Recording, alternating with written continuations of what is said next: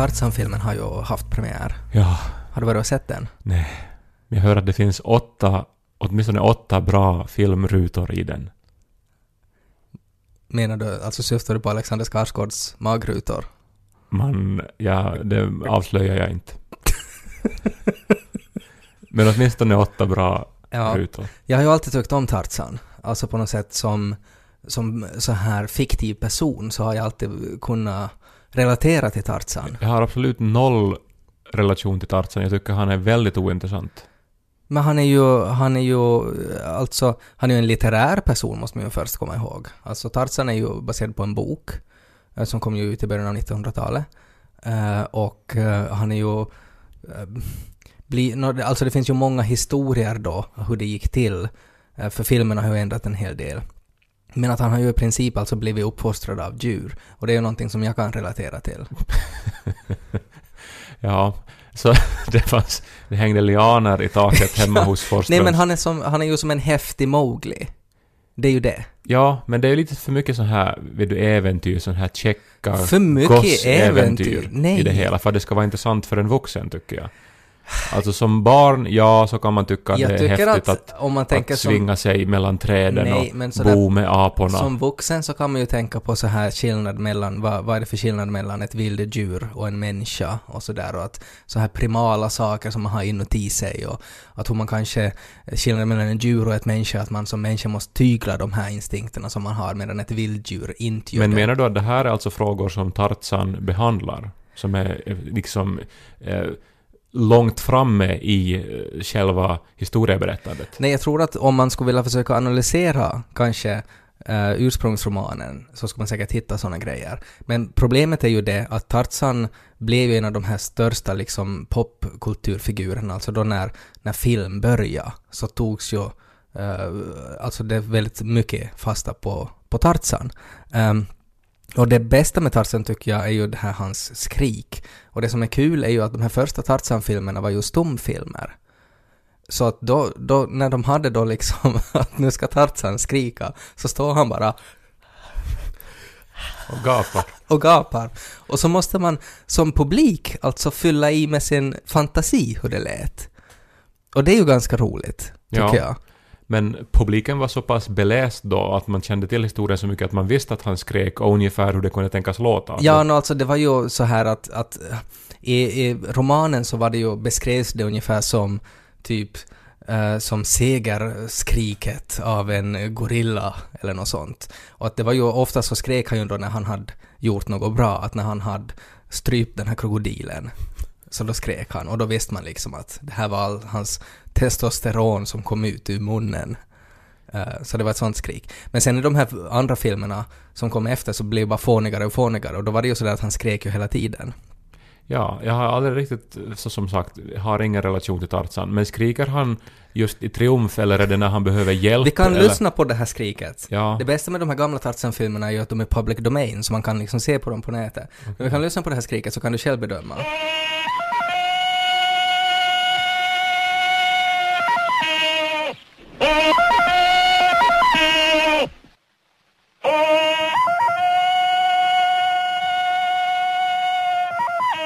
Ja jag, jag ser ju att man har försökt på något vis eh, få fram det här faktiskt då, att det är djuriskt men det är samtidigt melodiskt, alltså kräver då en sorts musikalisk intelligens, ergo han är också människa. Det finns många legender om det här, hans skrik också, alltså att hur de producerade. Uh, eh, att det var då i princip en skådespelare som hette Johnny Weissmuller som var den här bästa Tarzan. Han var ingen skådis utan han var en, han var väl OS-medaljör i simning, tror jag. Ja. Vilket var sånt som krävdes för, för att bli liksom skådespelare. Och han hittar på det här skriket då och han menar att nyckeln till det här, hans skrik är att han vann en joddlingstävling som ung man. Ah. Och att han sätter in, och det är det här liksom det ljudet. Det är liksom att han joddlar. Och han hade också joddlande grannar som inspirerar honom. Vilket jag tycker är roligt, att, man, att det kommer fram på något sätt. Att vad är, vad är hemligheten till ditt ljud? Nå, det är mina joddlande grannar. Så det har jag börjat säga sådär, att folk frågar att var, var fick du den där idén? Det är mina joddlande grannar.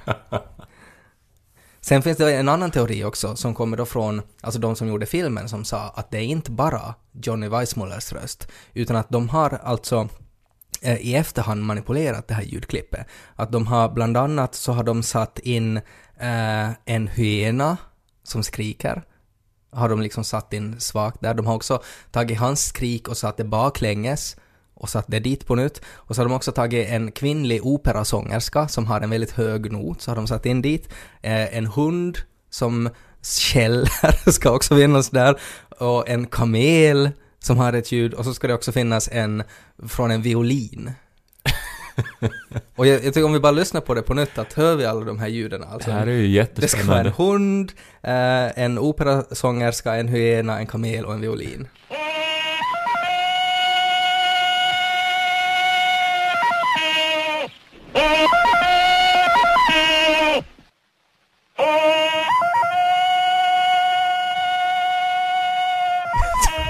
Ja, ja, det är jättesvårt. Det är som eh, när man ska försöka liksom be- bestämma sig för vad Coca-Cola innehåller.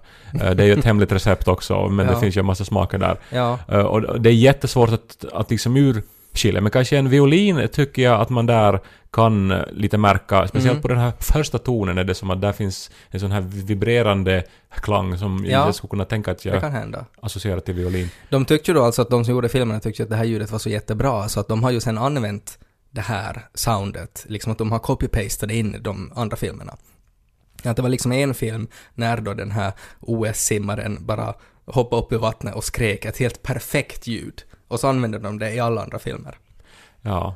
Men har du sett den här nya filmen? Nej, jag har inte sett det. För, för jag undrar ju om, alltså skriker Alexander Skarsgård ja, nu då? det är ju det som, jag tror ju nog att han måste ju göra det, för att det är nog en så stor grej liksom av Tarzan. Men om han har in det här eh, joddlingsgrannarna i skriket, så det vet man ju inte. Men jag hoppas ju att han har det, för jag tycker det är ganska bra. Alltså jag tycker att det är ett riktigt bra skrik. Mm. Ja. Han skulle nog kunna svinga sig i, i Det- min lian, tycker jag. Ennesi buen purmo puutvo össärbottning Som talas sitso popna popkun Så vi popnödena popkun Så vi lyskuted och kaj Du läser ju eh, så- såna här tidningsappar, du får 100 tidningar eh, och sen får du läsa eh, alltså mot en månadsavgift. Mm. Jättebra. Ja, jag har ju inte ännu börjat med det här. Nej. Men eh, jag ser ju nog att det finns en massa fördelar. Ja, Eh, för det är ju ganska dyrt att köpa enskilda tidningar. Ja, och ofta jag- så är det ju bara några artiklar man vill läsa. så är det. Och det är ju för priset av en tidning så får man typ alla tidningar som finns Ja. månaden. Men jag har alltid varit så här, alltså jag förstår ju att om man är så här jätteintresserad av någonting att, och är innördad i någonting så är man ju intresserad av att läsa om eh, liksom hifi-maailma Mm. en, en gång i månaden liksom. Mm. Vad är de senaste sladdarna Mm. och så här. Men ändå så, så är det så, så må, det finns ju så många tidningar att jag inte kan förstå hur man, hur man fyller dem med, med innehåll månad efter månad, till och med vecka efter vecka ibland. Ja, Och jag tänker till exempel på kyrkpressen som, som jag har här framför mig. För att jag får den hem och jag läser den så här, åtminstone att jag ytligt bekantar mig med den. mm. Eh, men uh, oftast så, så, så hittar jag nog inte någonting som känns jätteangeläget för just mig att läsa. Mm. Men, men jag förstår inte hur man, eh, alltså vecka efter vecka, en gång i veckan kommer den. Och, och så har de, den är fylld med nyheter. Och jag undrar, Nytt om religion! Ja, men jag undrar, till exempel, nu, nu är det ju måndag, vi spelar in det här på en måndag. Och eh, då antar jag att de har så här redaktionsmöte på kyrkpressen. och så har de alla samlats då kring ett bord och, och så har de så här haft så här roliga skämt om helgen som har gått då att... eh, Ett skämt kan vara till exempel att, att när de inleder så säger de att "Nå, nu har vi ju alla psalmat oss hit. samlat oss hit, Ja. borde de säga. Ja, Och, och så berättar de någon anekdot om vad som, alltså att hur det var i kyrkan i, igår då och så mm. här. Och så skrattar alla för att det är något så här det är så här inside-skämt som man bara förstår om att det är kyrkan varje söndag. Men så det här, eh, så i något skede då så är det då chefredaktören antar jag då som är som att uh, samlar alla då så här Mm. och försöker få alla lugna. Mm. Och så är de att, Nu ska inte vi låta den onde ta över rummet. och så undrar hen då att, att, att ja vad ska vi, vad ska vi skriva om den här veckan? Så är det tyst en stund och så är någon liksom att tänkte om vi skulle skriva något om Gud, tänkte jag. Bra, jättebra idé. Skriv, skriv, Skriv upp det där Skriv om- något om, om Gud. Om Gud. Ja. Och, och så, sen någon annan. Alltså jag förstår inte bara, för det är ju... Hur mycket finns det att skriva? Nej, jag tror att det är inte alls så där som det går till, utan jag tror att de, de har då sam, psalmat. Samlat. Ja, men det, det är tydligare om man säger psalmat. så har de då gjort det kring bordet, och så är de bara sådär att vad ska vi skriva om idag? Vi ber. och så bara ber de en stund, och så har de upplägg. Jag upplever att vi ska skriva om Gud. Och Jättebra, Om, jag hade samma. ja. Nej, men, men ändå, alltså det är ju det, är ju det där ehm, är ju ett uttryck för, för jättestark liksom eh, hängivenhet och kreativitet också. Att man förmår fylla en Ja. tidning vecka efter vecka eh, kring ett relativt ändå begränsat Mm. ämne. Men man kan ju alltså, eh, det är ju väldigt lätt parallell till det där är att om man ser hur länge man har orkat prata om Bibeln. Ja, det är nog tänkt det. Alltså Att- hur många kyrkor det finns. Ja, Hur otroligt många samfund och så vidare. Och varje vecka åtminstone, säkert flera gånger i veckan också, mm. så samlas man för att reda ut den här samma Tänk, texten. jag menar du skriver ju böcker sådär, att tänk om det skulle vara att en av dina böcker som du har skrivit, hitta på, så skulle det bli så här att, att det finns, att det byggs hus där man uttryckligen bara ska diskutera vad du menar i den där boken. Ja, och, och att det utbildas experter Ja, som, i, som, som går igenom vad du skrev och hur ja, man kan tolka det. och så har de ungdomsarbete och så går de också ut på stan för att, för att berätta om den här romanen, om hur bra den är. Ja. Det, det, är ju, det är ju som, alltså det här är ju något som förlagen borde ta efter, alltså försöka så att säga in- inte bara skapa en hype kring sina Nej. höstböcker, utan skapa religioner kring dem. Kanske borde man alltså inför din nästa bok så borde du ha fixat lärjungar före det. Alltså Mm. människor som går omkring och missionerar om den här boken. 12 människor som får läsa den på förhand. Ja, Och som, jag, och få ha egna tolkningar av den. och som också måste bli alltså jätte, jätte så här förtjusta i boken förstås. De måste ju Mm. älska boken Jo, jo. verkligen. Ja. Och, och bli helt så här uppslukade. Mm. Och sen så får de resa ut och fara till, till Rom och, och, jättebra och till. Korint Ja. och berätta om den. Det är agenturer, eller Ja. de är som mina agenter. Mm, och så alltid när de frågar något sådär att men att vad menar Kai när han skrev så här den här boken? Så svarar de alltid så här jätteflummigt att ja vad menar han inte? han kan ju ha menat så här och så här att det är upp till dig. Så länge du tror på att han menar något. Och sen så börjar det ges ut då Kaj i pressen en gång i veckan då. och så samlas de och, de och funderar vad de ska säga om Kaj den här veckan. Mm. Skrev han något i lågstadiet redan? Jag tror vi ska... Alltså jag får att vi ska Vi skriver skriva om, Kaj. om, om Kai. Kaerik,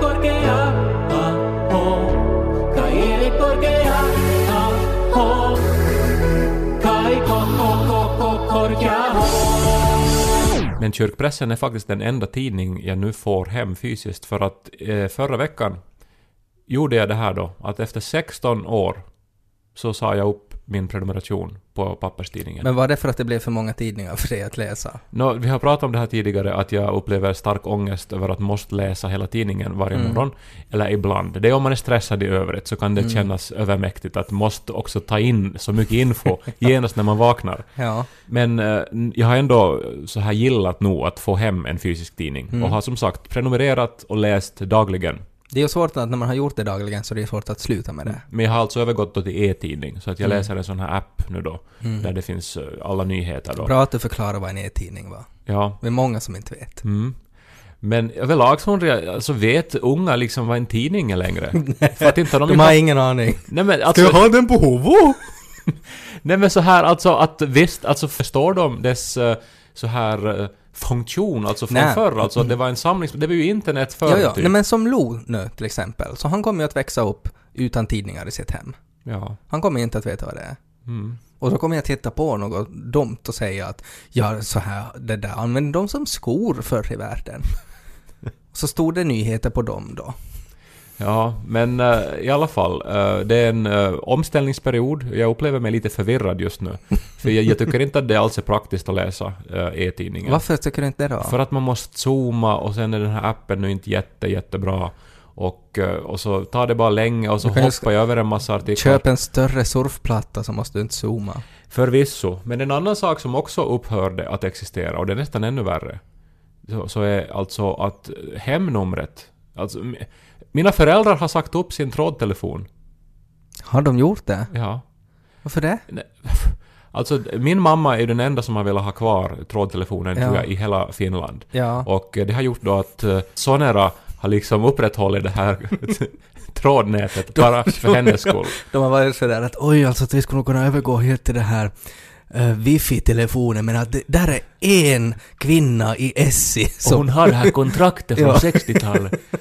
Och, eh, och så att räkningen har ju bara blivit dyrare och dyrare för de höjer Ja. ju pris. Alltså det är ju deras strategi då för att få henne att säga upp Ja. trådtelefonen. Mm. Eh, Men hon har hittills då envist betalt då Använder hon den?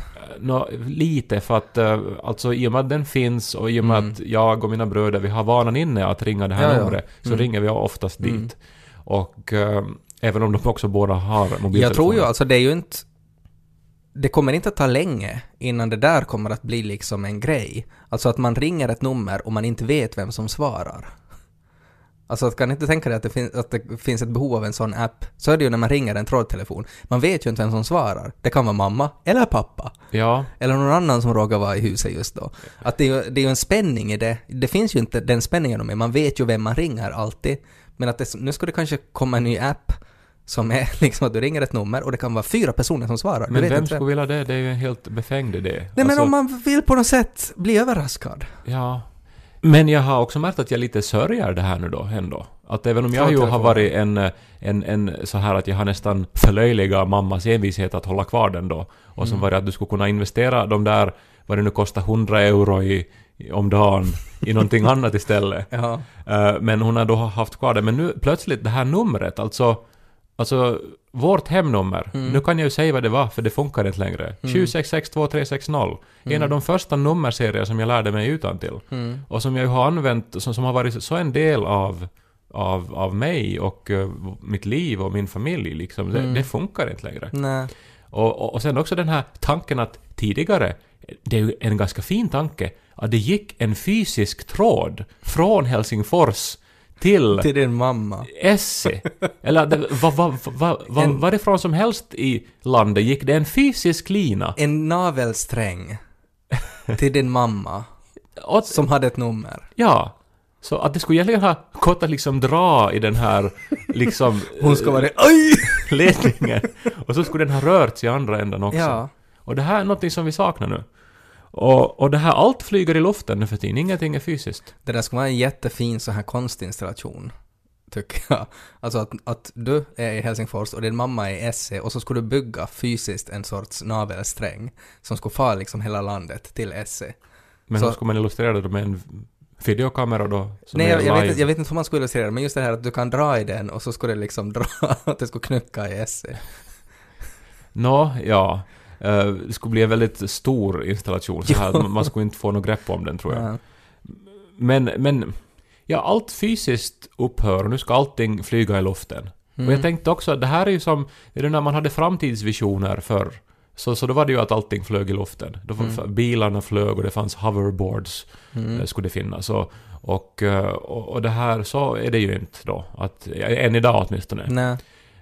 Men istället så är allt annat är bara i luften. Att, att Sånt som inte syns ja, luften. internet är liksom eh, det som, som, som, det, som det blev till. Mm.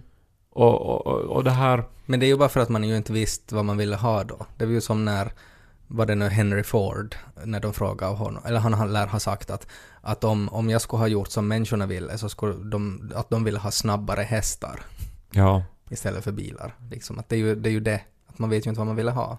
Undrar om man verkligen sa det där. Det känns så skrivet. Det kan nog hända att det är artificiellt tillverkat postmortem. Ja. Tänk om man skulle ha skrikit som Tarzan istället. när, när, de, när de var så här att va? Henry Ford. har du någonting som du vill säga? Mm, ja. Vad kommer det här att sluta? Jag menar nu, du har upphört fysiskt med dina tidningar. Nu har du upphört fysiskt med att ringa till din föräldrars trådtelefon. Alltså det man har kvar är ju sånt här, vet du, alltså mat måste ju vara fysiskt ännu. Att man, Mm. måste, man måste hämta mat någonstans ifrån Mm, och sätta det, finns, fysiskt. Man kan med appar beställa hem det. Jo, men ändå Men, så ja. kommer det en Man måste- produkt. Det känns väldigt retro fortfarande att vi har ett, ett skåp som går på el där vi förvarar mat. Mm. Men det har vi ännu kvar som någon sorts länk till verkligheten. Ja. Och sen förstås vässan. Att där, det, Ja. det, det utbytet är väldigt fysiskt också. Mm. Nu skulle det vara skönt med någon så här cloud-bajsande. Aj bajs. Ted och Kai. Det fanns en Pokémon i vår soffa häromdagen. Är det din sambo som har börjat? Mm. Han har ju hållit på hela livet. Ja. Och nu så eh, är ju den här nya appen då det bästa han vet. Ja. Och han vill gå på en massa promenader hela tiden. Vad var det för Pokémon som fanns i er soffa då? Jag vet inte. Men herregud. Det är som, de, de, jag, jag kan ju förstå nog att det där är säkert roligt. Och jag, och jag, alltså, jag är ju jätteintresserad av den här teknologin. Jag tycker den, det, här- det här är ju helt uppenbart eh, första mainstream eh, användningen av en sån här teknologi som om några år kommer att vara liksom jättestor och jättebra. Mm. Eh, Jag såg, eh, alltså jag har inte spelat det själv den här appen under det här spelet, men jag har tittat på och inte ser det ju jättebra ut inte. Alltså sen Nej, men, de... men du behöver ju inte göra det. Nej, nej, men att jag är helt övertygad om att om några år så kommer det att se helt jättebra ut. Ja. Och det kommer att vara jättemäktigt och Ja. häftigt. Eh, men, eh, så det är mycket promenader, Mm. så länge akkun håller. Ja. Annars in, inget intresse för promenader, som vanligt. Men jag tänkte att, att det här är ju, alltså man borde ju slå ihop Tinder och såna här datingappar. Att man kan liksom... Att man tittar omkring sig i sin lägenhet och så mitt i allt ser man en kuk i soffan. Inte så. Men att man... att, att man ser på en karta var de här människorna är. Och så Ja. är det som att nu ska man gå dit. Att, Det låter ju som alltså otroligt bra redskap för våldtäktsmän. Nej men förstås så måste man ju alltså ha sunt förnuft att om någon är liksom ensam i en mörk park så ska man ju inte få dit. Jag menar överlag att visa var folk bor Nej. och en bild av hur de Nej, men ser att, ut. nej, nej, men jag tänker ju, du, du går genast dit. Jag tänkte så här på kaféer och, Ja. och när man är i en bar så är det som Ja. att oj, nu är den här intressanta typen dit i andra ändan. Då, då går jag dit. Nu ska jag säga hur jag förbättrar din idé.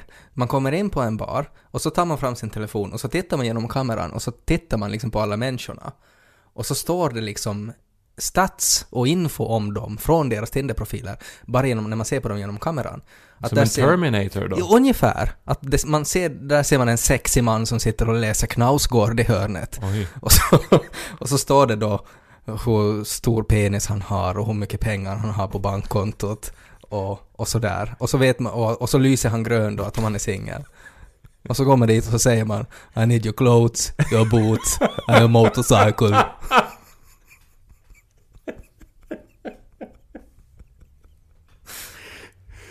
Men skulle det inte vara bra det?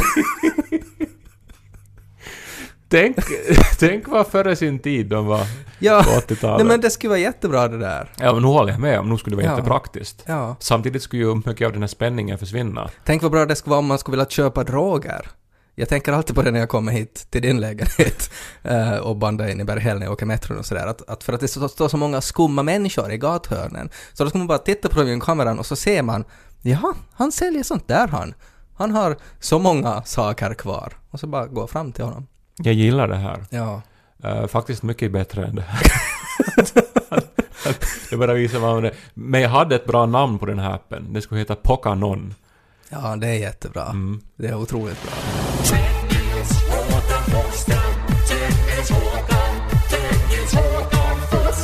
I början av den här podden så uttryckte du Kaj din önskan om att Alexander Skarsgård i Tarzan-mundering skulle svinga i din lian. Mm. Och eh, då började jag osökt tänka på en grej som jag läste häromdagen. Eh, att det fanns en, eh, en folkstam som för riktigt länge sedan, när kvinnan skulle föda barn, så hade de utvecklat ett sorts system att, att pappan till det här barnet skulle sitta ovanför henne, alltså i, i takbjälkarna i, i hyddan, Ehm, och så skulle den här kvinnan ha bundit ett snöre kring hans testiklar. Och alltid när hon hade en sån här jättesmärtsam sammandragning så skulle hon dra allt vad hon orkade i det här snöret. Så att pappan också skulle vara med och känna av den här smärtan av att föda fram ett nytt liv. Det här låter väldigt progressivt och feministiskt på ett sätt. Ja, Och eh, jag är intresserad. Alltså, men, men, men det här var alltså någon, någon, någon stam som, som, som man... Eller som... Vad var det för sorts stam? alltså, det var, jag tror de hette så här Huichol-indianerna eller någonting. Alltså in, inte något så här som man har hört om tidigare. Eh, det som jag ju direkt alltså konstaterar bara efter att jag har varit med om en förlossning för, för ett halvår sedan är ju det att eh, min sambo då sa att hon skulle ha slitit av mina testiklar. Alltså Ja. de skulle ha liksom ploppat bort. alltså att det finns, det det är liksom ett tankefel i det där att det är kvinnan som styr liksom att hur man drar. Eh, för att det, det är ju liksom sån kraft i det att det, det, de- det ska på riktigt alltså stritta ut. Man undrar ju om det här hände då. Och, Och det var därför de slutade med det. Ja, eller om de också fick säkert så pass svåra skador på sina testiklar att det kanske Ja. inte blev fler barn. Kanske det skulle vara... Ja, ja, ja det, det är ganska intressant det också. Plus att jag menar det är ju många kvinnor också när de föder så kräver de ju alltså operationer efteråt. Så att inte det är ju alls omöjligt att sen när det liksom plopp, där kommer ett barn och så låter det plopp plopp bredvid där. Något annat landar från taket. Eh, att sen måste mannen också få operationer efteråt. Men, men skulle det vara så då att när männen måste rycka in i armén så skulle man som liksom under de sex till ha nio ett månaderna snöre till, till kvinnan. eller någon sorts fjärrkontroll till någon sorts bälte som skulle ge, inte vet jag, ångest eller någonting. Så att alltid då när man vaknar klockan sex, ah, väckning, Mm. och bara jag hatar det här och det här Så trycker man på ångestknappen. och så får uh, ens flickvän då Ja. eh, ångest hemma Ja. också. Det tycker jag skulle vara mer än rättvist. För att om det är något man kan dra likhetstecken mellan så är det värnplikt och att föda barn. Nej, nå... ja, ja. Nej, men jag tycker bara att det är intressant att det, det är ett så... Så att vi har pratat lite om så här digitalisering och framtiden och så här. Och att det här är ju på något sätt motsatsen till det.